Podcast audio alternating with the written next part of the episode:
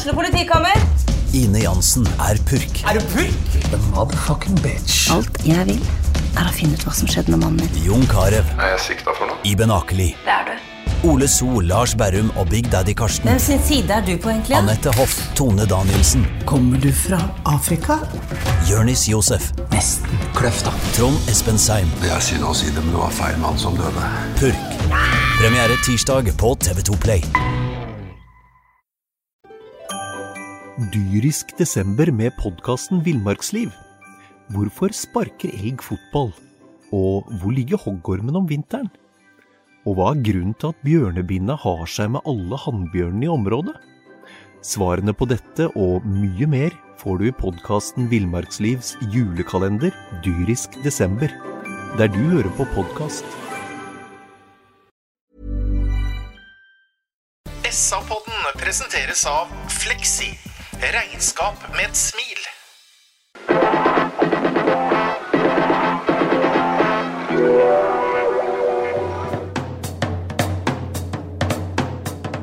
Sarpsborg Arbeiderblad gir deg en ny episode av SA-podden med Sven René Nygård, Øystein Weber, Petter Kalnes og Bjørn Inge Bingen Nilsen. Hallo og hjertelig velkommen til en ny podkast her fra Sarpsborg Arbeiderblad. Jeg sitter her i studio med en trio som er like vakker som et mønsterangrep fra Drillos på 90-tallet. Sven René Nygård, teknisk, faglig sterk og engasjert, slår som Stig Inge Bjørneby en perfekt langpasning. I enden av den venter rebellen, bamsen og duellanten Jostein Flo, i vårt tilfelle Bjørn Inge Binge Nilsen. Og som den lure reven Øyvind Leonardsen plukker Øystein Weberg opp avfallsfrukten fra Bingens duell og setter den stilsikkert og veloverveid i nota. Hvor jeg passer inn i dette bildet, det vet jeg ikke, men sannsynligvis på sidelinja. For som faren til eh, 08-kaptein Joakim Thomassen sa til meg en gang etter at jeg hadde skåra sjølmål på Askim stadion, det er lettere å skrive om det. Og det er vel det. Velkommen til sending. Og i dag er vi blide, Stein. Ja, vi er i hvert fall eh, mye blidere enn vi var eh, forrige gang. Og det har jo bl.a. sammenheng med at du har noen eh, kalde fotballkamper her i livet hvor resultatet egentlig trumfer det meste. Og dette var en litt sånn en eh, øvelse. For å ikke havne ordentlig bakpå nå, så trengte vi tre poeng i, i Tromsø. Og heldigvis fikk vi det. Så kan vi komme litt tilbake til omstendighetene rundt det. Helt klart, Vi, vi starta med å prate om resultatet og om de tre poengene, Bingen. For det, det smakte godt for en ganske hardt prøve av Sarpsborg 81. Utrolig deilig. Jeg tror liksom ikke laget, treneren, alle nede på stadion, ansatte, byen, fotballsupportere og vi her i podden ikke minst, vi blir jo selvfølgelig letta når vi, vi vinner. Og spør meg før vi drar til Tromsø i dag, så hadde jeg aldri i min villeste fantasi trodd at vi skulle ta tre poeng i, i, i Tromsø i dag. Og desto deiligere. Har Sarpsborg 8 noe ansvar for å underholde den kampen her, Sven? Eh, Godt spørsmål. Eh, Jeg føler at vi underholder ganske så mye i første omgang. Jeg syns vi ser en liten sånn respons i forhold til eh, tanker som folk har osv. I, i den første omgangen, hvor vi faktisk står høyt og vi er offensive i huet hele veien, og vi er klart best. Vi er klart best i første omgang. Og så gjør vi 1-0, og så blir det da i tillegg et rødt kort, og så gjør vi 2-0 med Linseth. Og så har vi ikke vunnet siden det var oktober. ikke sant? Så når du kommer ut der i annen omgang, så kan du godt si Jeg hadde nok kanskje håpa at vi skulle gått enda tøffere ut i annen omgang. For det også bare på en måte fortelle alle at dere, vi er offensive i huet. Men jeg forstår at man på en måte med én mann mer tenker litt komprimert eh, fotballag. Og selv om Tromsø hadde ballen mye, så var de ikke ordentlig i nærheten, føler jeg. Så det var en taktisk god kamp. Men underholdningsverdien i annen omgang kunne selvfølgelig vært større. Men det er jo ikke det det handler om nå. Vi er et fotballag som ikke har vunnet på 13 kamper før i dag. Bra. Er du enig med Sven i eh, karakteristikken av inngangen til kampen? Øystein? Ja, eh, eh, jeg er vel for så vidt relativt enig. Jeg er ikke helt enig med hele resonnementet til Sven når det gjelder at det her kunne vår, vår eh, kall det eh, defensive tilnærming til annenomgangen, som ble forsterka utover i annen omgang, gitt oss trøbbel. Den kunne gitt oss trøbbel. Du så den, de to danskene som kom inn der. Uh, Sven, han blir spilt fri, og han setter den over riktignok, han ene i midten der. Får, vi, får, vi, en redusering der det er kvarter igjen, så er det noen mekanismer som slår inn her som jeg nesten ikke tør helt tenke på. Så jeg syns faktisk det er litt, på en måte litt risky. Og så er det lett da å si at For igjen, det ble tre poeng, og det er fasiten vi sitter og kommenterer. Men, men, jeg føler meg aldri trygg i en sånn en kamp som det her, når vi, når vi, tross alt byr dem såpass mye inn i denne kampen som vi gjør.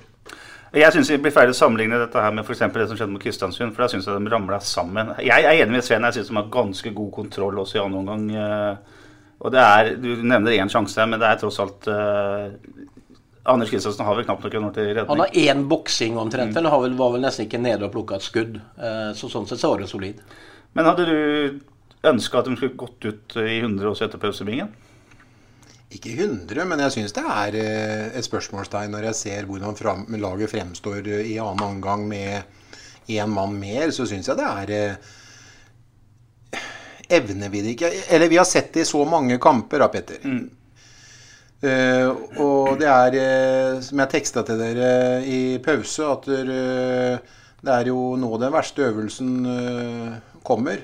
Det er jo andreomgangene våre, så det er jo nå vi om vi gjør det bevisst, det får vi aldri svaret på før eventuelt eh, Stare forteller noe om det, istedenfor å ha sånne kryptiske kommentarer som han har eh, til Eurosport eh, både i pause og muligens også etter kamp. Mens han bør legge av seg. Det er ikke noe vits i. Svar ordentlig på spørsmålet. Vi er ikke høye og mørke før vi har liksom tatt noen seirer. altså. Og jeg syns uh, det er rart at vi faller sånn som vi gjør i andre omgang, men jeg syns jo første omgang var desto bedre, og det er vi ikke ukjent med, at vi spiller gode førsteomganger.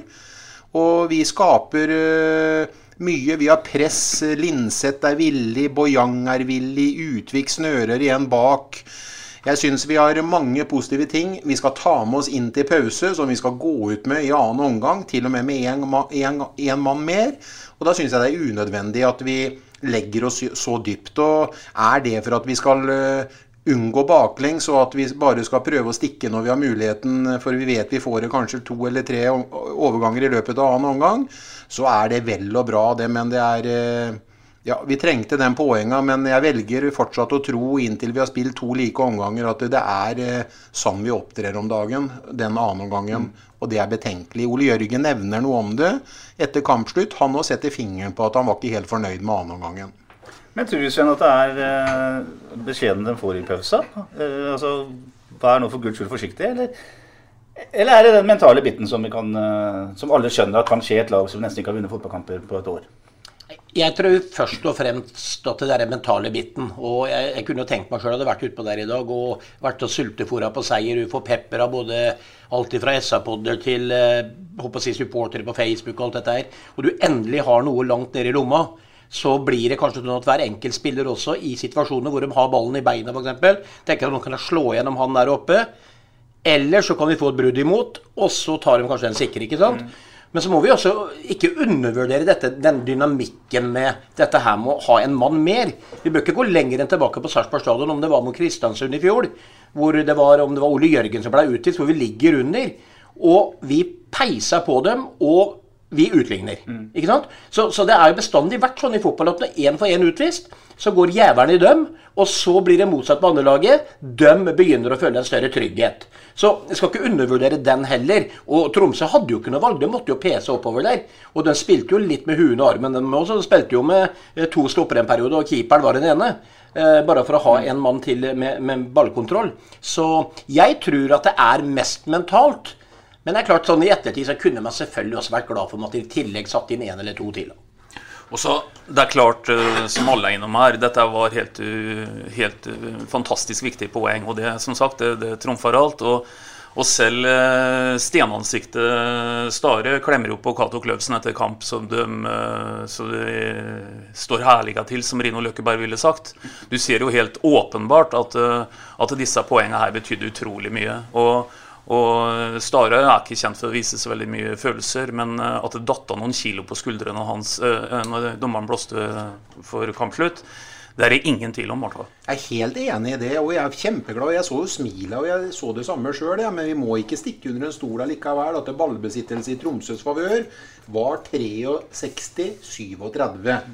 Så vi eh, Men vi er på lag, vi nå, vet du, Bingen. Så du Ja. ikke se på meg, du kan se på han Sven. Ja, eh, ser jeg, samme øye, men jeg ser på liksom eh, Som du skriver i artikkelen, Petter, eh, bør ikke sitere deg på Vi er ikke friskmeldte. Superglad for seieren.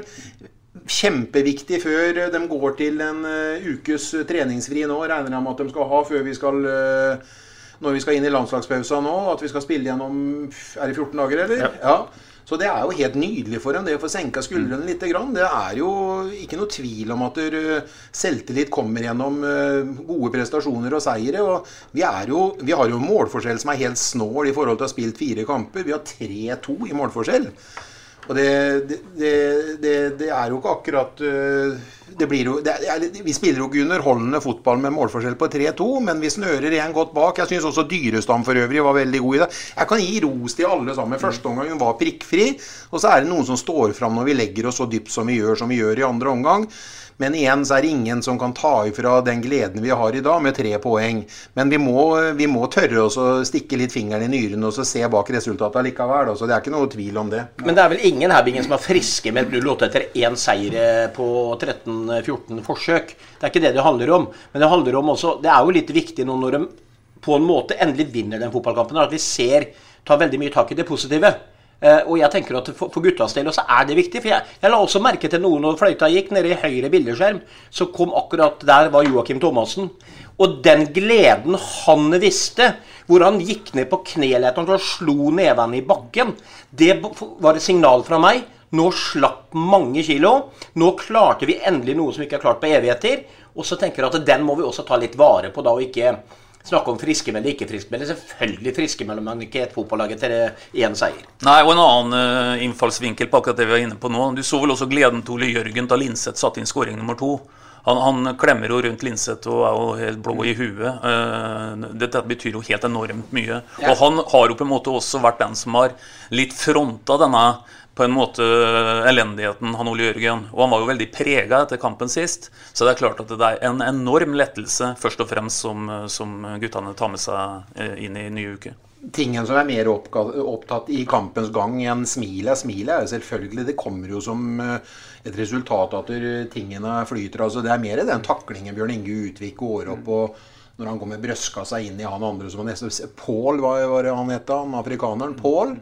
Han slår nesten pusten ut av han og blir liggende så Utvik står her som en bauta, som den vikingen han er. Sanne tingen, det smitter mer enn en, eh, en latter i, i ny og ne. Men latteren det kommer av når eh, den der tingen er helt i bånn, når fysikken og taklingene og løpa og Linseth og måla hans og liksom når, når alt sånne Det her er resultat av gode prestasjoner. Og i dag så så vi mye av det i første omgang, men det er annenomgangen jeg fortsatt liksom sitter og ikke er helt fornøyd med. Men søren, ingen må misforstå meg i dag. altså at det, vi skal være tema på et sponsormøte nede på stadion før Kristiansund-kampen, media, hvor vi skal få beskjed om at vi er altfor negative. Hvis vi kan være den som tar den møkkajobben og være negative, og, vi, at de tenner eh, positivt på at vi er negative Nå skal vi faen meg vise dem i media eller SA-podden om at eh, de tar feil av, og så skal jeg være, ta den offerrollen. Jeg, hvis vi får flere seirer, så kan jeg godt gjøre det annenhver uke. Jeg kan ikke gjøre det hver uke, men jeg kan gjøre det annenhver uke i hvert fall. Så håper jeg det blir flere seirer, jeg. Ja, du kler offerrollen, Bingen, så Ja, det, det, det syns jeg er du er, flott. du, den er fin på Du kan jo være glad for at de er i Sarpsborg, ikke i Bergen. Men, men kan jeg bare få si én ting til, Petter? Nå vet jeg drøyer ut litt her, men, men snakker om dette her med han Utvik og sånn, er helt enig med Bingen. For det, det etterlyser i hvert fall jeg forrige podd, at man gikk i krigen, og at man ga juling, at man skulle miste ei tann og blø og sånn. Men han, eh, han som på en måte er en lokale, som sto med Borgen-drakta si eh, før kampen i dag, som Borgen-gutt. Det er i mine øyne det står det respekt. For den jobben, nå skal Ole Jørgen få det av meg, det han gjør i dag Han er involvert i nesten absolutt alt. Han flyr på seg krampa helt til slutten, og han bidrar så jævlig sterkt til den seieren. Det er deilig å si at det er en av de virkelig ekte Sarpegutta som gjør den jobben. Helt enig. og Husker vi øyet hans fra intervjuet etter kampen mot Kristiansund, så så vi hvor mye det her betyr for ham. Han var, han var ordentlig, ordentlig ordentlig lei seg. Så det er deilig å se. Ole Jørgen skal ha all ære av matchen i dag. En annen som uh, Ole Jørgen spilte sammen med Bojang, uh, var bra, syns jeg. Og den høyresida er jo interessant. For nå vokta det litt igjen, uh, Bingen, med Ole Jørgen som er smart, og Bojang som var aktiv. Og, og teknikken satt, som du har snakket om tidligere. at Sitter den fra første stund, så er den bra. Ja, og samspillet dem imellom nå det, Jeg syns faktisk den høyresiden har vært god tidligere. Eller jeg syns dem to er best i sammen på den sida. Jeg syns faktisk det. og Derfor blir jeg veldig overraska når det kommer bytter uh, som ikke du forutser eller forventer. og Hvis det er riktig at Ole Jørgen da han ba sjøl om å ikke spille fra start mot Kristiansund, så syns jeg ikke Ole Jørgen skal bestemme om han skal spille eller ikke. Det syns jeg faktisk treneren skal gjøre. Så dem to er gode sammen, og jeg syns de skal faktisk spille sammen eh, så lenge de er frie for kort og er skadefrie. De begynner å fungere og får samarbeid som vi kan eh, se frukter av. Ole Jørgen er flink, til å holde på ballen, og Bojang vet jo at når Ole Jørgen har ballen, så klarer han å skjerme, og ofte klarer han også vekten i rett tidspunkt når Bojang er på vei mot dørlinja og skjære den ballbanen. Så jeg syns de har fått et glimrende samarbeid. Så vi har ha Bojang istedenfor Vikne? Ja, jeg vil, jeg vil foreløpig Vikne. Han skal få spille, han skal få spilletid og mm. utvikle seg. Men vi må tenke på at Vikne er jo liksom ikke noe ferdig, ferdig på nivå, han heller. Det har tatt, tatt Bojang litt tid her òg. Han kom hit, ble utlånt til Kongsvinger. Hadde noen glimrende kamper og hatt noen kamper som ikke har vært så bra. Men jeg syns han, eh, selv om han nå begynner å nærme seg Han må jo være 4-25 år. Jeg syns det begynner å sitte mer for nå. Han blir tryggere i valgene sine. Og Ole Jørgen ser ut som er tryggere med, Viktene, nei, med, med Bojang eh, på banen. Eh, hvis jeg skal kalle det være noe kritisk i forhold til det vi snakker om nå, så vil jeg bare se mye mye mer av det. Eh, rett og slett pga. at som Bingen sier, Ole Jørgen vekter pasningen til, til Bojang. Men, men, poenget er at Bojang har en såpass overlegen hurtighet på høyresiden der, ofte da, i mål mot det man møter, at det trenger heller ikke være så veldig finvekta, dette her. Det, det, det, er ikke sånn at Bojang må starte på én eh, centimeters uh, onside for at, her, at, han skal være først på den ballen ned til dørlinja. Han kan gjerne noen ganger starte en meter Han kan ta ut en sikkerhetsmargin på sida der. Og det er ikke sånn at den vekta pasningen til, til Ole Jørgen må være noe sånn bortimot helt perfekt slått. Det kan gå bra uansett. Så mer av det. Litt mer på autopilot. Og så skjønner jeg at det koster krefter. da. Men, men så lenge Bojang er fresh, så vil han kunne komme mye oftere til dørlinja, og det vil skape mye farligheter. Nå snakker vi om dem to, og så er det én ting til jeg har lyst til å si, som jeg satt og nesten fryda meg over i første omgang i dag. Det er også at Linseth skjønner jo rolla si i forhold til hvordan han tar de tunge løpene når Kone går i lufta.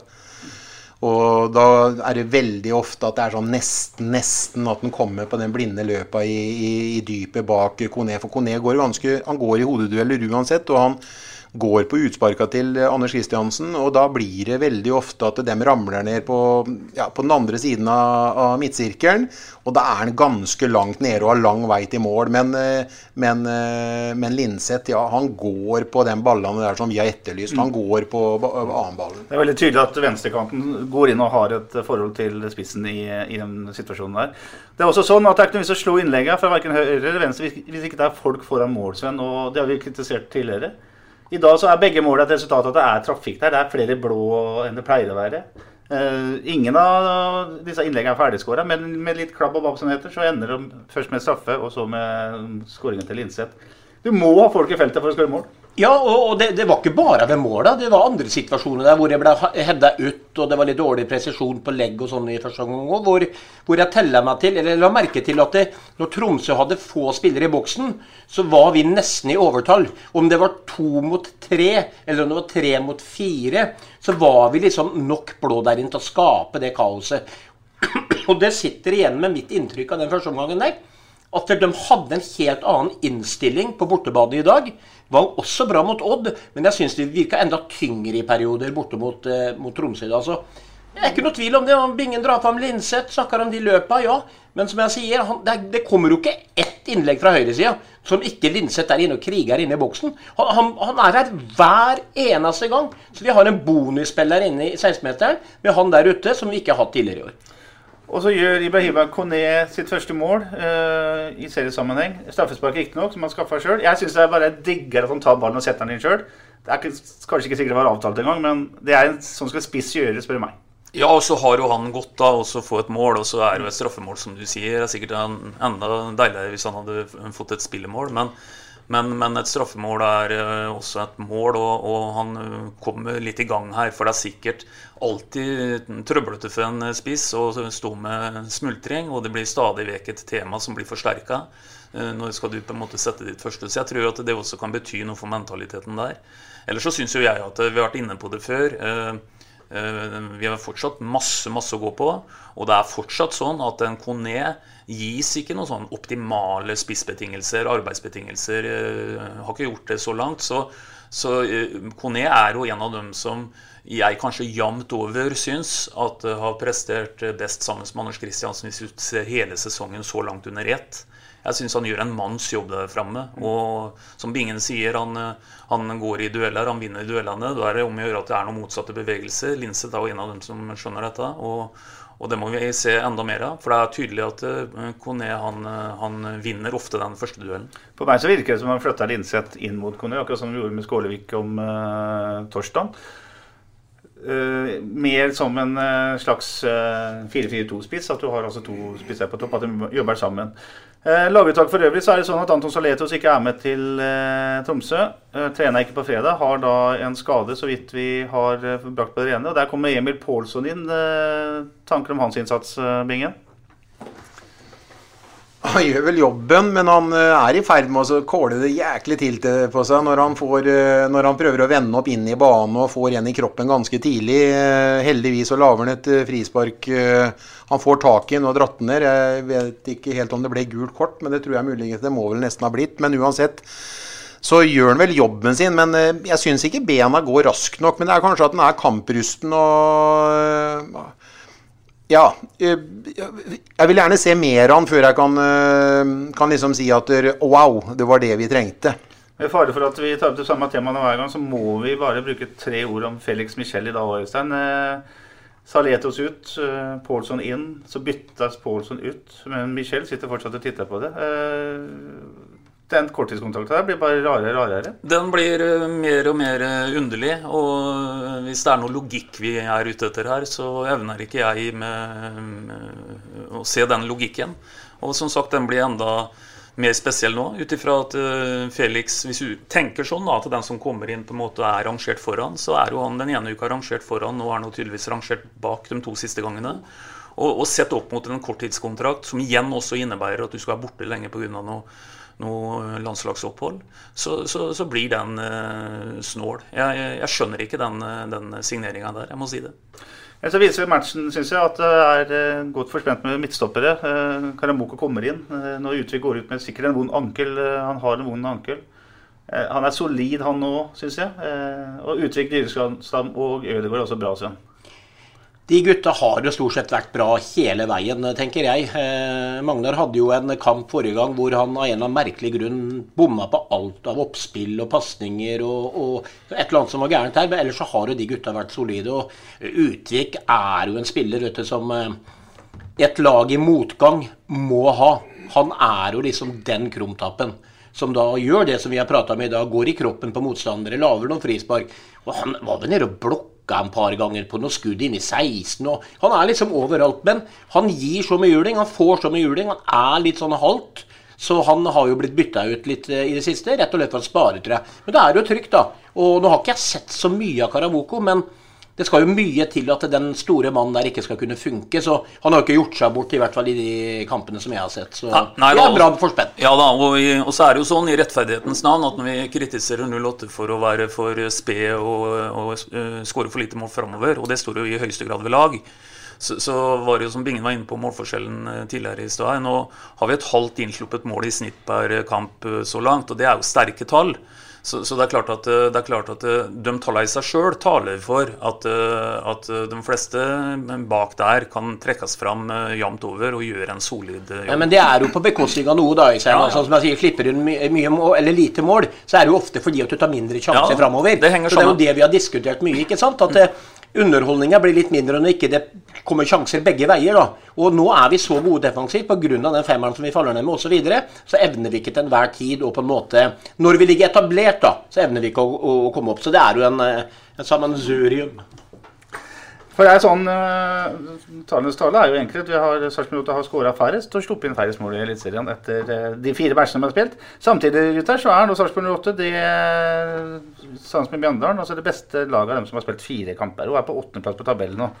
Den åttendeplassen hadde vi jo tatt uh, hva sier du for noe? 27 dager i uka? Øystein? Ja, og vi hadde jo ikke minst hatt en seier eh, som vi er inne på her på Alfheim med 27 dager i uka. Så, så, og vi var jo innom det sist. Ting, eh, Sven sa vel at ting kan snu fort. Kanskje vi til og med vinner på Alfheim, og da, da ser det med ett mye lysere ut. Og det gjør det. Men eh, for å bare understreke det en gang til, det er én en enkelt kamp. Og det, nå får vi se framover om vi ser noe, kall det litt varige resultatendringer. For nå skal vi være oppmerksom på én ting at nå møter vi et lag som for første gang ordentlig fikk uttelling i dag, i, i Brann. Så selv om de står med én seier på sju kamper, så la oss for all del ikke lure til å tro at det kommer et, eh, noen bergensgjester på besøk som, som vi skal uh, ha noe lett kamp mot, for det kommer ikke til å skje. Tar vi fire seirer til på rad, altså fem totalt på rad, da skal jeg friskmelde oss. ja, det er bra. Du skal ikke gjøre noe mer? Du skal ikke gå på en der og naken eller noe? Da holder ikke med fire på rad engang, liksom. Du må ha fem. Vi tar fire til. Ja. Vi sa vel det også i fjor. At vi, Men da, da blir det Europa igjen, vet du, hvis vi skal begynne sånn. På sesongstart i fjor, det var før du kom inn, Sven, da sa vel det at de skulle vinne de seks første kampene. var det ikke sånn? Og da skulle, det, var, ikke måte på? Nei, altså vi, det, Hva vi sa i fjor, er Nei. egentlig veldig enkelt, Petter. Vi bomma på alt vi sa i fjor. Men de er eksperter. Joakim Jønsson sa at vi toppa tabellen etter sju serierunder, og vi hadde fem tap på rad. Ja. Så, så, sånn er det. Men Bingen, vi må inn på det temaet som har vært litt oppe og gått, nemlig det du har sagt om uh, situasjonen til Stare. Uh, du har sagt noe. Vi tre andre har vært uenige med deg, i den form at vi syns han skal ha mer tid. Uh, Joakim Jonsson sa på Eurosport i dag, og det er han eksperten fra, svenske eksperten fra Fredrikstad. Det er jo en svenske fra Fredrikstad, kan det bli verre? Artig kombo. Ikke gærent med Joakim Jonsson, han er en tøffing. Flink fotballmann. Han sa at Stare trenger seier i Tromsø for å overleve altså Dette er ferskvarme. Hva er situasjonen til Stare etter at de plutselig har vunnet fotballkamp? Er du ja, situasjonen hans er, er, jo selvfølgelig annerledes enn om de hadde tatt Er det så små marginer at jeg, jeg, jeg, jeg, leser Hans Petter Arnesen uh, sier jo noe annet i avisa, mm. men det er klart at du, du merker jo at ikke alt er som det stemmer. Jeg kan jo bare høre på intervjuet til Ole Jørgen uh, Gjessa i, i, går, var det vel det. Altså, altså det er, alt, alt, stemmer jo ikke om dagen. Og det er klart at dere begynner å tape kamper, som murrere. Og hvis det ikke det sitter, så sitter det liksom ikke. Hvis det entusiasmen og gløden og den derre mm, kameratånden på banen eh, forsvinner, så så er det du som trener helt avhengig av at du begynner å prestere. For hvis ikke så mister du det, på en måte. Så jeg, jeg, var, jeg er helt sikker på at det her var Jeg skal ikke si at det livs, var livsviktig for Stare i dag, men det var i hvert fall uh, veldig viktig for ikke bare Stare, men hele klubben at vi fikk Dyrisk desember med podkasten Villmarksliv. Hvorfor sparker elg fotball? Og hvor ligger hoggormen om vinteren? Og hva er grunnen til at bjørnebinna har seg med alle hannbjørnene i området? Svarene på dette og mye mer får du i podkasten Villmarkslivs julekalender dyrisk desember, der du hører på podkast. Seier i dag. Ja, og så er det i hvert fall ikke noe tvil om at eh, Jeg skjønner det spørsmålet i forhold til er det så små marginer. Jeg er jo usikker på om det er så små marginer i Sarpsborg, men jeg tror at vi har sett én kamp i dag hvor den marginen eh, fikk spille seg ut.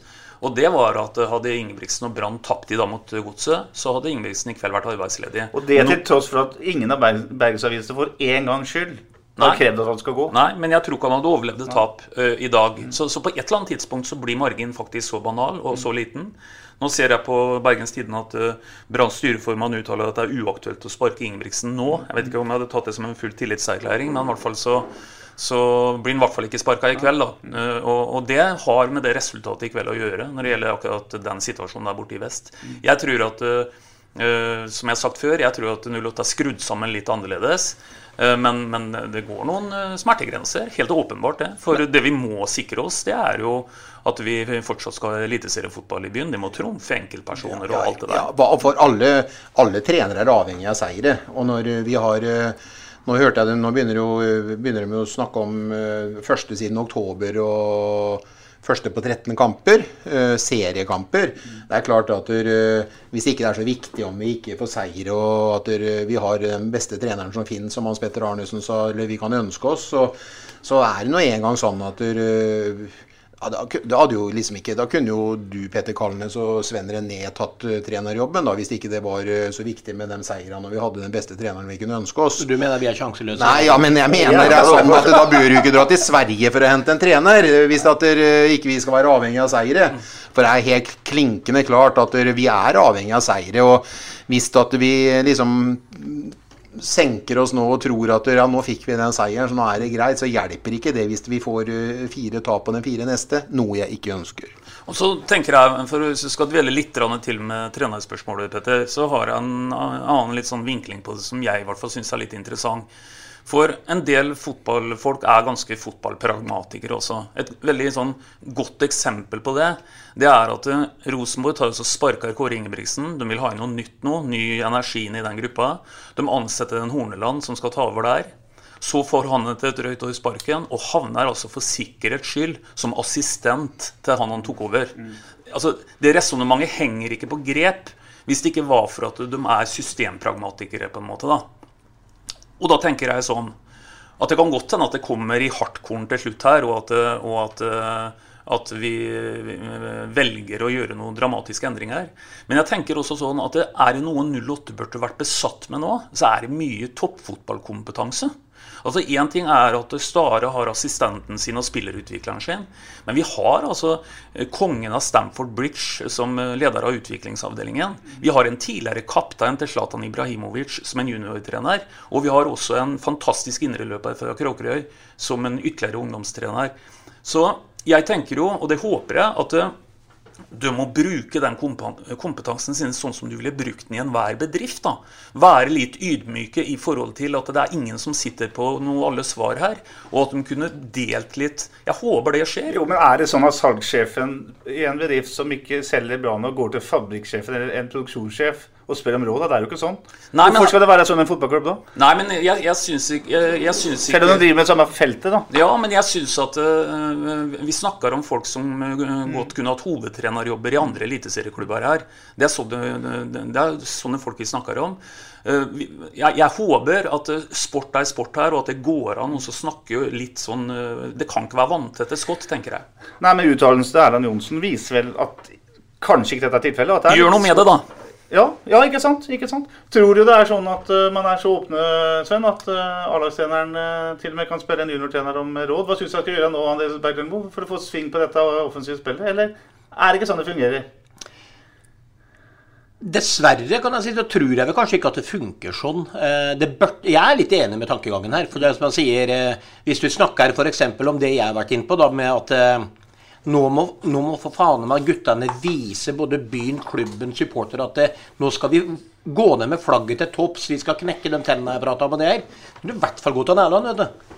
Og så, og så lære dem litt om den der psykiske fotballkrigen der ute. Hvordan han knuste altså verdensstjerner i sine dueller. Jeg har sjøl møtt den en gang. Og jeg havna jo langt utafor Belløs. ikke sant?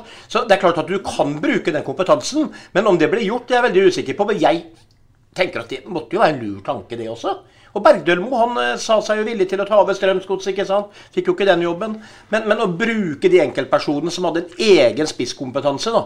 Som jeg sier, når du har vært kaptein i Ajax, så har du litt å fare med. Og når du har spilt i Chelsea en del år og var vel innom Bayern München, og, så har du kompetanse. Selv om det her er lenge siden, så går aldri det ut på dato. Det med den psykiske krigføringa og det å gi maks av seg sjøl, den kommer til å være i all tid. Ja, og han var landslagstrener da han tok over 08, eh, altså aldersbestemt landslag. Så interessant. Kanskje vi kan få noe svar på det, om det virkelig er noe samarbeid mellom eh, de ulike avdelingene der nede. Skal jeg si, så synes jeg også det har vært veldig interessant å høre hvis du nevnte Ole Jørgen Halvorsen i stad. Han sto der med blanke øyne mot torsdagen og sa til deg, Sven, at nå må vi slutte å snakke om Europa. Vi må slutte å snakke om topplasser. For det er ingen grunn til at vi plutselig skal bli så gode. Eh, kjempegodt innspill av Ole Jørgen, syns jeg. Og kanskje noe av det noe vi har snakka om tidligere. altså Kommunikasjon, forventninger. Eh, sier man at man skal ut i Europa, så blir folk skuffa når man tar lite poeng. ikke sant, Øystein? Ja da, og jeg syns at uh, Ole Jørgen har fronta den kalde elendighetsuka vi har bak oss, som heldigvis ble snudd litt i dag, på en veldig god måte. Ja. Og, og jeg syns han gjorde et, uh, gjorde et uh, veldig ålreit intervju med, med, Sven, og jeg syns at det han sier, det er, det er sånn en må litt sånn adressere dette her. Og nå hadde vi jo en uttalelse før sesongstart her hvor, hvor det igjen ble sagt noe fra sportslig leder at at eh, en blir skuffa hvis en ikke blir topp seks. Men da følger for så vidt Sven opp med egentlig det jeg syns er det eneste korrekte oppfølgingsspørsmålet. Hva er det som skulle tilsi det? For, for da blir en litt svar skyldig. All den tid den har rekruttert inn fem, seks, syv nye spillere, og det er i hovedsak én av dem som spiller, da er det ikke noe som tilsier at et lag som har vært bondelag i 19, bondelag i 20, plutselig skal bli et topp seks-lag. Og la oss ikke begynne engang å snakke om noe topp seks etter, etter, en kamp uh, som i dag. Nå må vi nå må vi være veldig veldig glad for at vi fikk med oss eh, tre poeng, som faktisk kan være avgjørende når vi skal gjøre opp eh, sluttregnskapet til høsten. Så små marginer kan det være. Og så vi, kan vi begynne å snakke om eh, øverste halvdel igjen når vi ifølge Bingen eventuelt har noen seire på rad her. Tiden er ikke inne for det i dag. Nå går vi med uke, ukes ferie. Neste søndag, også, eller kommende søndag, da, så møtes de på ettermiddagen. Da har de hatt ukeferie. Hva skal fotballspillere gjøre på denne uka der? Skal de legge seg på sofaen? Eh, skal de trene? Eh, skal de ta seg en fest? Kose seg, være sammen med familien, slå golf. Eh, pleie i det sosiale nettverket som ikke har med 08 å gjøre. Og, og kos deg med dem du har kjære og nær. Og bare slappe av og skuldrene og være glad for den poenga vi fikk i dag. Og møte med ny giv til trening neste søndag. Og så er vel ingen tvil Sven René, at man bør bruke den påfølgende uka da til å trene angrepsspill foran Brannkampen. Det er, jo, det er, jo, fortsatt offensivt der eh, utfordringa ligger. Ja, ja, ja. Det er ingen tvil om det. Altså, Vi er bunnsolide defensivt, men som sagt, det går ofte på bekostning av noe. At vi overfolker oss litt i ramma og ligger lavt på laget. og Det er vanskelig å finne vei gjennom, og da blir den veien lang opp. Men det er det å finne løsninger. For det er jo masse fotballag i Norge, inkludert Bodø-Glimt og de lagene her, som som har alle på rett side av ballen. langt inn på egen banehalvdel, og så sier det pang. Og så er det sju gule der oppe. ikke sant? Så det må være en mulighet å trene på det der sånn. Men jeg håper de tømmer huene sine alle sammen. Bare legg vekk hele dritten. og så glem, Prøv å glemme fotballen, men ta deg en joggetur allikevel, liksom. For å holde det ved like. Det, det, det er i hvert fall mitt, uh, mitt svar. For nå de har lest aviser, de har hørt på sikkert podder, noen av dem. Og selv om mange sier at ikke de gjør det, så er det jo bare sånn folk er skrudd sammen. Og når treneren sier at vi ser ikke på tabellen, så ser de bestandig på tabellen. Ja, det, det, er sant. Men det var fryktelig deilig å se denne første goalen etter tolv minutter her også. Det må jeg si. Det var eh, befriende. Ja, veldig. Og så får vi jo den drahjelpa vi får da, i forhold til den hodeløse inngripen av han forsvarsspilleren prøver å kle av Kone-drakta. Eh, så, så, så, straffa er jo helt klokkeren. Eh, nå greit jo ikke dommeren å få med seg hvem som eh, gjorde det. Det var jo en interessant greie. For å ta, bare følge opp den litt. Jeg, jeg hørte i etterkant at um, treneren tok, en, tok, som en selvfølge at uh, at eh, han som fysisk gikk ut av banen, ikke skal få karantene. Mm. Ja, Det tar jeg som en selvfølge òg, men da må jo det i så fall bety at han skal ha karantene, han som ikke ble utvist. For det kan jo ikke være sånn at ja. Eh, konsekvensen av den feil avgjørelsen der blir at det ikke blir noe karantene på laget. Uh, her. Nei. Så det er jo interessant. Så det blir sånn ishockey at du sender over en som uh, egentlig ikke er uh, Som ja. var ofra for laget for at han skal ta en lagstraff. Vi skal snakke om ett tema til. Uh, Han har vi snakka mye om før. Han debuterte fra start for Bodø-Glimt. Han heter Sigurd Kvile, var i, i Sarpsborg et par år, ble henta fra Bergen. Ung talent. Ble av sportssjef Thomas Berntsen omtalt som en sånn slags uh, Rune Bratseth light. Fikk alle noen sjanser i Sarpsborg 8, men spilte fra start for Glimt i da. Nå tapte noe Glimt for en sjelden gangs skyld i Skien, men han spilte 62-63 minutter før han ble erstatta av Sondre Sørli hva tenker du om det, Bingen? Eh, Sarpsborg kunne ikke bruke en sendte av gårde, og så havner han i, hos dem som var suverene seriemestere i fjor. Og får spille. Nei, Det handler jo om at uh, treneren i Bodø har uh, tro på Sigurd Kvile. Da. Det, er, det er jo det det går på, rett og slett. Når vi sender av gårde et så stort talent som åpenbart hadde kvaliteter, og som uh, både Berntsen og jeg omtalte faktisk eh, som en eh, Rune Bratseth eh, light i forhold til løpesett og hvordan han fremsto i situasjoner og duellspill og fysikk osv. Og da tenker ikke jeg på det som er trenbart, for jeg mente jo at han ikke var trent nok til å holde holde en full kamp, og det gjorde han jo ikke i dag heller. Men eh, gi han i hvert fall noen små drypp og innhopp. Har ikke sett ham på tribunen i mesteparten av tida som han er her i, i, klubben. For at det er åpenbart at gutten hadde kvaliteter. Og det mente jo i hvert fall Kjetil Knutsen òg. Ja, og jeg tenker at uh, Gå ikke i den fella nå at en, at en, låser seg opp i et hjørne her og sier at uh, han var ikke godt nok trent eller uh, et eller annet. For han, han fikk ikke noe spilletid. Uh, og det er ikke sånn at han, ikke sånn at han uh, Han viser egentlig noe ganske raskt han, etter at han går fra 08. Uh, det er vel Åsane som tar imot han. Og han, han spiller mye på et godt Obos-lag høsten 2020. Og nå som sagt så får han tillit for å starte på det som de to siste åra sånn i gjennomsnitt hvert fall, har vært det vi kan kalle Norges beste fotballag. En sølv og en gull. Eh, så, så det, det, må vi tåle å liksom debattere litt. Er vi litt for tilbakeholdne der i forhold til å gi en type Sigurd Kvile tillit? Eh, lås seg ikke fast i noen skyttergravargumentasjon rundt det der. Er mulig at han ikke var, uh, var trener for oss å gå inn og spille liksom hele kamper osv. Men, uh, men vi snakker jo ikke om det. Vi snakker om at vi så han ikke.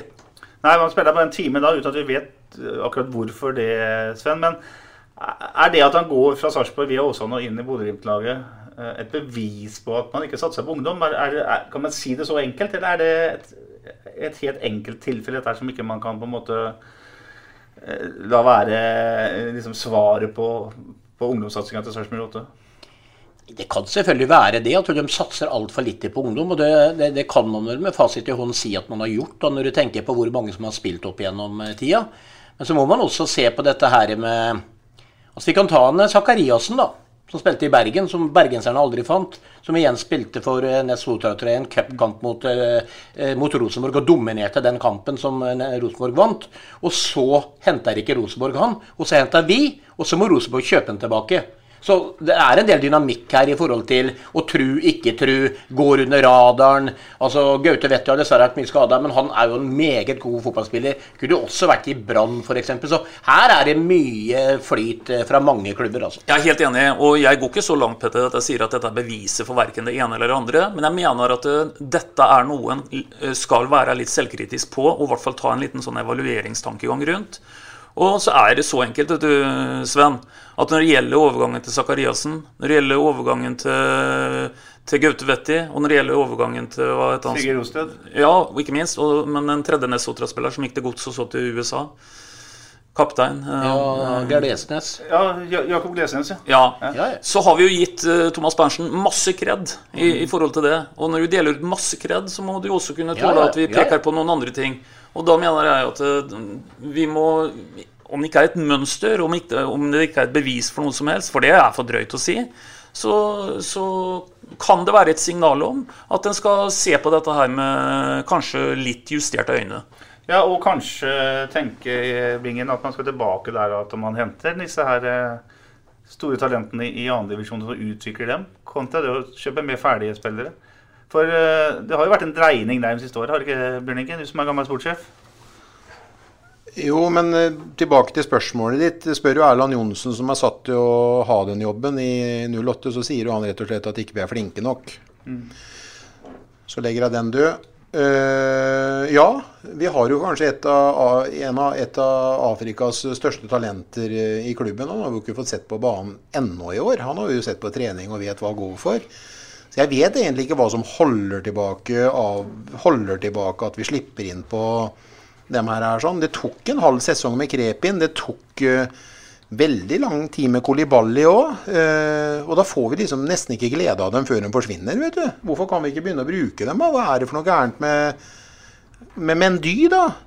Og så har vi jo gått litt fem på, i hvert fall foreløpig så har jo han stagnert. Og vi har aldri sett potensialet til Conté. Nå er jo han borte, han er jo i Jerv. Mm. Så ja, vi har nok ikke vært flinke, i hvert fall ikke når det gjelder Sigurd Kvile, til å gi muligheten. Og hvis vi snakker om Dervis Skadic, så skal det vel veldig mye til for at vi får se ham på banen i, ja, han er i sesongen. 16 år. Ja, jeg, jeg, jeg, jeg, bare sier det. Vi, Men det jeg spør deg egentlig om, er eh, Har vi ikke nok samme kontroll på, på andredivisjon? Uh, Det er jo veldig mye, veldig mye, og det er jo opplest og vedtatt at vi skal eh, bruke akademiet som du kan navnet på der nede, eller det Oslo Academy. Oslo Ja.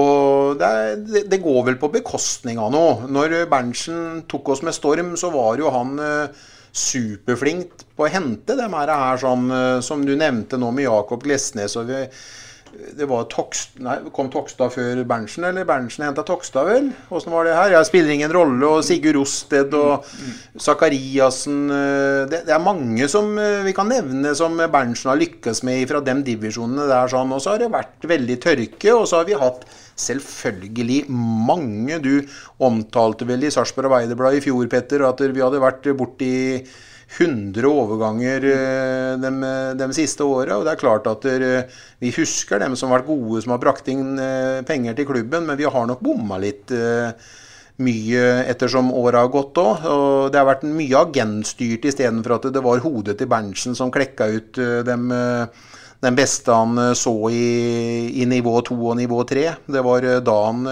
gravde gull, for å si det rett ut. Apropos gull og apropos afrikaner, som du nevner. Eh, Kolibali er nå het som rakkeren. Eh, har spilt i Beershot, er eid av Sheffield United. Eh, det snakkes om Milan, det snakkes om Galatasaray. Og det snakker om, om 150 millioner kroner, som Sheffield United foreløpig syns er altfor lite penger. Det betyr at det kan ramle inn en fin liten sjekk i løpet av eh, sommeren til Sarpsborg 81. det, ser jeg. Ja, og vi satt jo egentlig bingen til å regne på det, vet du, men da fant vi ut at dette kan vi ikke trekke inn i poden, rett og slett. For vet du, vi hadde satt vel tre kvarter og hørte på den før vi satte i gang Ja, innspillinga. jeg, fikk, jeg tror jeg fikk en firer i matte. Ja, jeg nei, dette her var Nei, Jeg hadde femmer i matte, jeg forsto ikke en dritt. Hadde du femmer i matte? Ja, det var det faget jeg var ja. Jeg tror, eh, Bingen, at eh, til deg ville også regnskapslæreren sagt at uh, debet er nærmest vindu. Jeg hadde Knut Jørgensen, og jeg ble god i matte. Men det som eh, Bingen skal ha, i forhold til det han akkurat nå sa, og det er også et tankekors. Og det går litt inn i den der dristigheten rundt å bruke unge mennesker. Det er jo helt eventyrlig at en Kolibali nå kan ha fem-seksdobla verdien sin bare i løpet av et eh, år. Det er jo også noe av grunnen til at noen av oss var litt tøffe i kjeften og snakka om at er det mulig å hente ut enda litt mer på salget, eh, men skal ikke kritisere dem for, eh, for det, for dette kan de bedre enn vi som sitter rundt bordet her. Men det som er litt påfallende å tenke på i dag, det er at vi har nesten ikke brukt Kolibali, vet du. Hvis vi tenker i antall, i volum, i kamper. Han, han ble jo nesten solgt med en gang han, han begynte å vise tenner. Så det er klart at det, det er lett å være etterpåklok, men når vi nå går tilbake til 19-sesongen osv., mm. som han var tilgjengelig, og som nesten ikke, ikke ble brukt, da. Og heller ikke de første kampene i fjor. Men når han først kom, så kom han. Eh, Det er litt besnærende tanke å tenke at eh, kunne vi ikke, kunne vi ikke fått benytta han mer når vi først hadde han i våre egne rekker? Ellers så ville det garantert dryppe inn mer på det salget der. Jeg er veldig enig med deg i det, men jeg vil også si at vi satt og snakka om at uh, Kolibali må slutte og miste ballen bakerst på midtbanen. Alt det greiene, ikke sant? Og dere sa det, men jeg sa det at det må være lov å misse som en ung gutt. Hvis ikke du får lov til å gjøre det, så får du aldri utvikle deg. Bakken tok hun som en schæferhund, sa jeg hver eneste gang.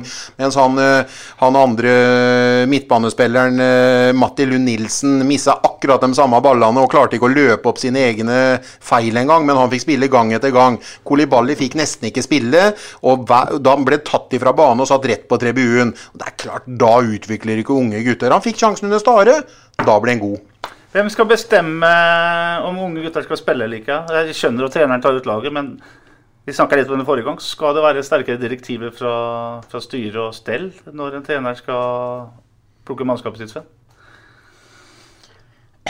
Det må jo være på en måte litt mer nedfesta i hvert fall, da, i forhold til hvis de skal gjøre det. Men, men jeg, jeg kan ikke begynne å sitte og kritisere eh, bruken av unge spillere når jeg ikke ser treninger og vet hvor gode de faktisk er. da. Vi snakker om han Dervish, Dervishi, eller hva, hva han heter her. Som han sier.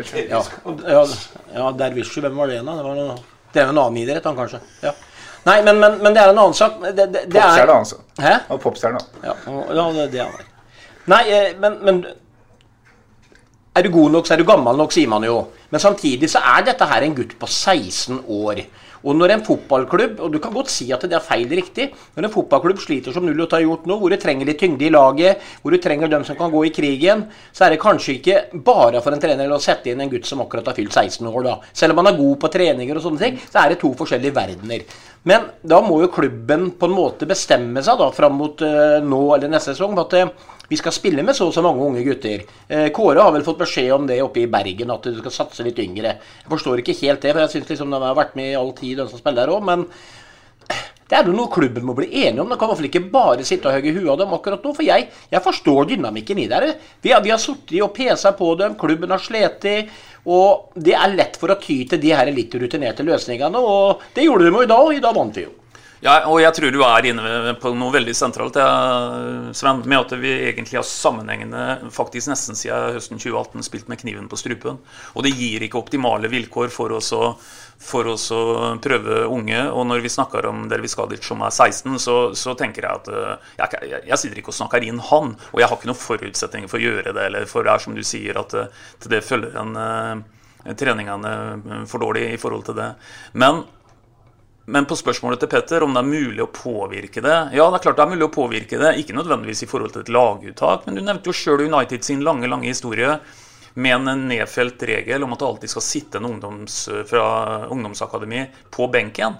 Det kunne jo utmerket godt Sarpsborg hatt som filosofi, nettopp pga. at du ga en ung gutt læring av det var å være med i pakka rundt hvordan du bygger opp mot en kamp, være med på et spillemøte, være med på alt det der og bli litt klokere for hver gang. Og så en vakker dag så er det kanskje muligheten din.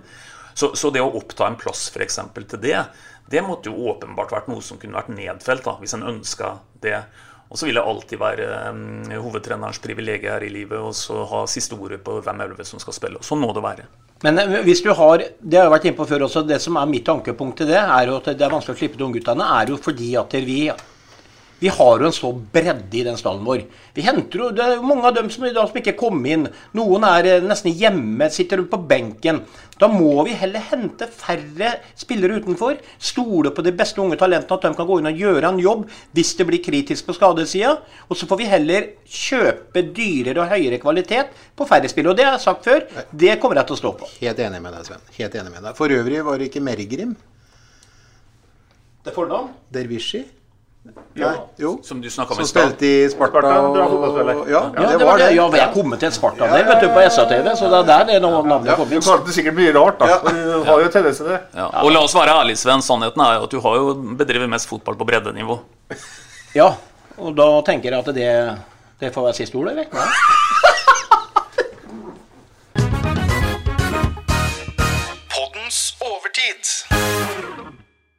I dagens overtid så har jeg lyst til å snakke om supportere og om forventninger. For etter to poeng på de tre første kampene, så var det veldig mange som var veldig kritiske til Sarpsborg 8. Og i dag, det er ikke mer enn en eh, drøy time siden eh, fra kampen slutta til vi begynte opptak her, så har vi sett på nettet at det er masse negativt i dag òg om fotballkampen i eh, Tromsø. Og så har jeg lyst til å prøve å dra litt store linjer der, Øystein. Tidligere, tidlig i Sarpsborg 8s periode, så var det sånn at jeg husker at hvis eh, vi tillot oss å skrive negativt om Sarpsborg 8, så fikk vi kniven i ryggen at det skriver ikke noe stygt om guttene våre. Vi var veldig glad for å være der vi var, ikke sant? på toppen og i, i Eliteserien. Nå har den snudd litt. Er det vanlig dynamikk i supporterkulturer, eller har sarpingen blitt blasert eller bortskjemt, eller hva skal vi si om det? Før jeg deler ut noen som helst karakter på det, Petter, så tenker jeg litt som en tenker i dagligvarehandel, at kunden har alltid rett. Så den opplevelsen som en supporter der ute har, det er hans subjektive opplevelse. Har han sett eh, dårlig underholdning, så har han sett dårlig underholdning. Han kan ikke bli fortalt etterpå at det du egentlig har sett på, det er god underholdning. Dette er hver og en sin egen oppfatning av hva han har eh, sett. Når det gjelder det med om en blir kravstor? Ja, det ligger vel litt i sakens natur at etter hvert som vi nærmer oss kan du si, et av de mest etablerte lagene i Eliteserien Vi skal huske på at det er jo en ung generasjon med folk eh, som er betydelig yngre enn oss, Sven, som aldri har opplevd noe annet enn eh, jubel og, og toppfotball på stadion. Tenk dere de som i dag er eh, Alle som tar lappen i år, 18 år. De har altså, fra de begynte å gå på fotballkamp, bare gått på eh, toppseriekamper her i byen. Vi levde jo i et tørke i 35 år.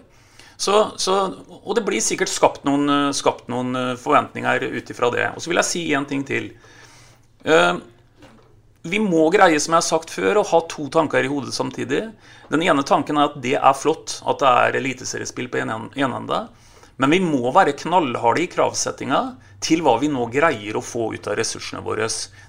Skal vi ha en Thomas Berntsen som er sportssjef, så skal han få minst like mye ut av den pengepotten han får, som en annen sportssjef i en konkurrerende eliteserieklubb som har omtrent den samme midlene til rådighet. Det må være kravet. Men Sven, eh, kan klubben kreve eller forlange, forvente at kunden som Øystein snakker om, altså supporteren, klarer å se bak resultatet? Og f.eks. ser at den seieren oppe i Tromsø var mye viktigere enn om han hadde spilt knakende god fotball og spilt 1 igjen? Nei, han, eh, Øystein har jo helt rett, han. At man på en måte Supporterne har lov til å mene og tenke hva de vil i forhold til underholdning osv. Og så er det nok eh, veldig sånn eh, Når jeg titta litt på Facebook i stad, så var det, det er jo en sånn smittebom. Det er som en pandemi, vet du. Når en av supporterne går ut og er negative selv om vi har vunnet og syns ting er dritt dårlig, og blir du ekstremt negativ, så henger jo folk seg på. Så det er litt sånn populistisk eh, opplegg, det også. Men det er klart, de har lov til å mene det. Og jeg sitter jo ikke her. Jeg elsker jo 08. Altså, jeg, jeg vil dem alt vel, men jeg kan jo ikke sitte og si at underholdninga var bra. Men jeg, som supporter faglig sett så verdien av det de allikevel gjorde i annen omgang i dag. Men jeg, jeg går ikke på jobben i morgen og sier at det var fantastisk fotballkamp i går. To ganger 45 så øret hang. Det var helt nydelig. Det var det jo ikke. Men vi vant. Og det var det som var viktig her og nå. Og så må supporterne mene om underholdningsverdien er altfor dårlig. Og det må faktisk klubben godta. Er du enig med meg, Bingen, at uh, supporterne i Sarpsborg uh, har forandra seg de siste åra? Nei, men Det står jo i stil med resultatet de senere åra. For det har jo ikke vært bra. Siden vi begynte med den podkasten her sånn i, i, sesongen 2019, så har vi spilt 64 seriekamper. Og så har vi 14 seirer. Det er ikke lett for oss heller å formidle et positivt budskap når du på en måte skal eh, Du er nede under bordet før du skal gå i mikrofonen for hver eneste gang. Og jeg skjønner at supporterne blir eh, lei seg og skuffa, for det har ikke vært så mange oppturer. og vi danser jo på bordene og er glad når vi er gode. og Tenk på alle de lykkelige øyeblikkene vi hadde rundt den der eh, sesongen da vi hadde ti seire med Brian Dean. Ti seire, ti uavgjorte, ti tap. Det var en milepæl. Vi hadde 40 poeng, og så var det litt tregt den første åra med med Bakke, og så fikk vi plutselig bronsen, og så kom vi til Europa osv. Faderen, det var jo fullt i byen. Det var jo syd, ja, sydlandske stemning når vi spilte Europaliga eh, den høsten der. sånn. Det var jo helt fantastisk i byen.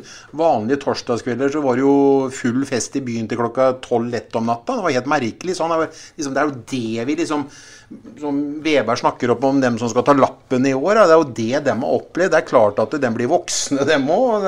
Da blir du litt kravstor. og Jeg skjønner det. Du blir jo glad og du gleder deg over prestasjonene når vi får seirer. Men nå har det vært veldig mye, mye som har gått oss imot av de senere åra. Og det er klart det blir vi merka alle sammen.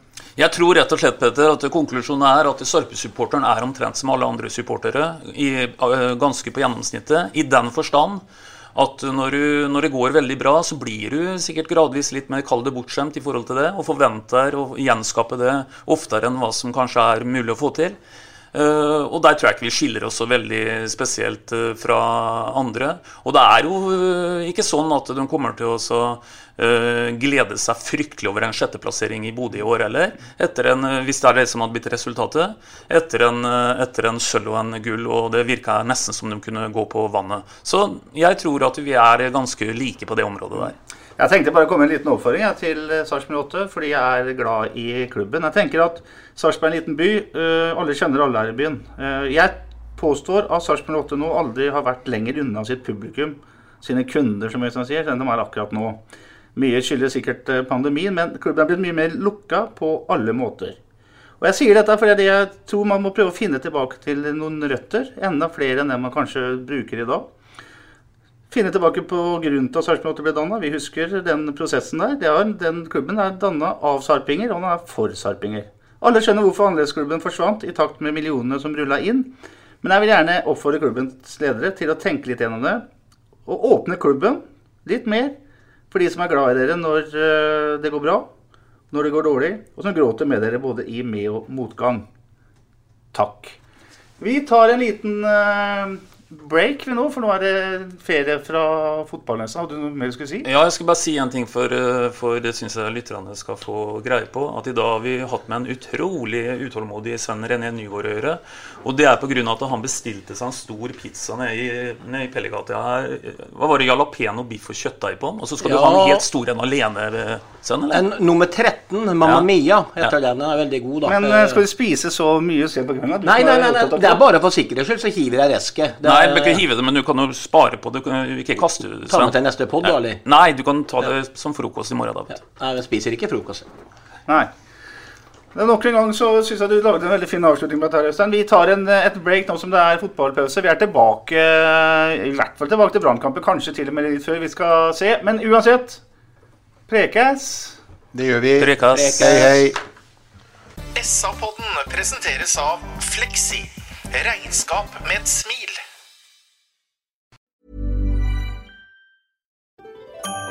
Dyrisk desember med podkasten Villmarksliv. Hvorfor sparker elg fotball? Og hvor ligger hoggormen om vinteren? Og hva er grunnen til at bjørnebinna har seg med alle hannbjørnene i området? Svarene på dette og mye mer får du i podkasten Villmarkslivs julekalender Dyrisk desember, der du hører på podkast. Ukens annonsør er HelloFresh. HelloFresh er verdens ledende matkasseleverandør og kan være redningen i en travel hverdag. Mange av oss har nok vandret i butikken både sultne og uten en plan for middagen, som ender med at vi går for de samme kjedelige rettene gang på gang. Middag burde være dagens høydepunkt. Som HelloFresh kan du nå velge mellom 25 ulike retter hver eneste uke, eller få HelloFresh til å sette sammen menyen for deg. Dette gir deg muligheten til å prøve nye og spennende retter alene eller sammen med familien. Du velger antall porsjoner og får alt levert på døren på et tidspunkt som passer for deg. Oppskriftene er enkle, og maten er lett å lage både for store og for små. Ved å få alt levert hjem får du også mer tid til å dele matgleden med familie og venner. Kanskje det frister med asiatiske tacos eller greskinspirert kylling? Da kan jeg anbefale deg om å gå inn på hellofresh.no. Her kan du bruke koden FOTBALL og få opptil 1779 kroner i rabatt på de første fem matkastene hvis du ikke har prøvd HelloFresh tidligere. Du kan også bruke rabatten hvis du har vært kunde og stoppet abonnementet ditt for tolv måneder siden eller lengre. Gå inn på hellofresh.no og bruk koden FOTBALL.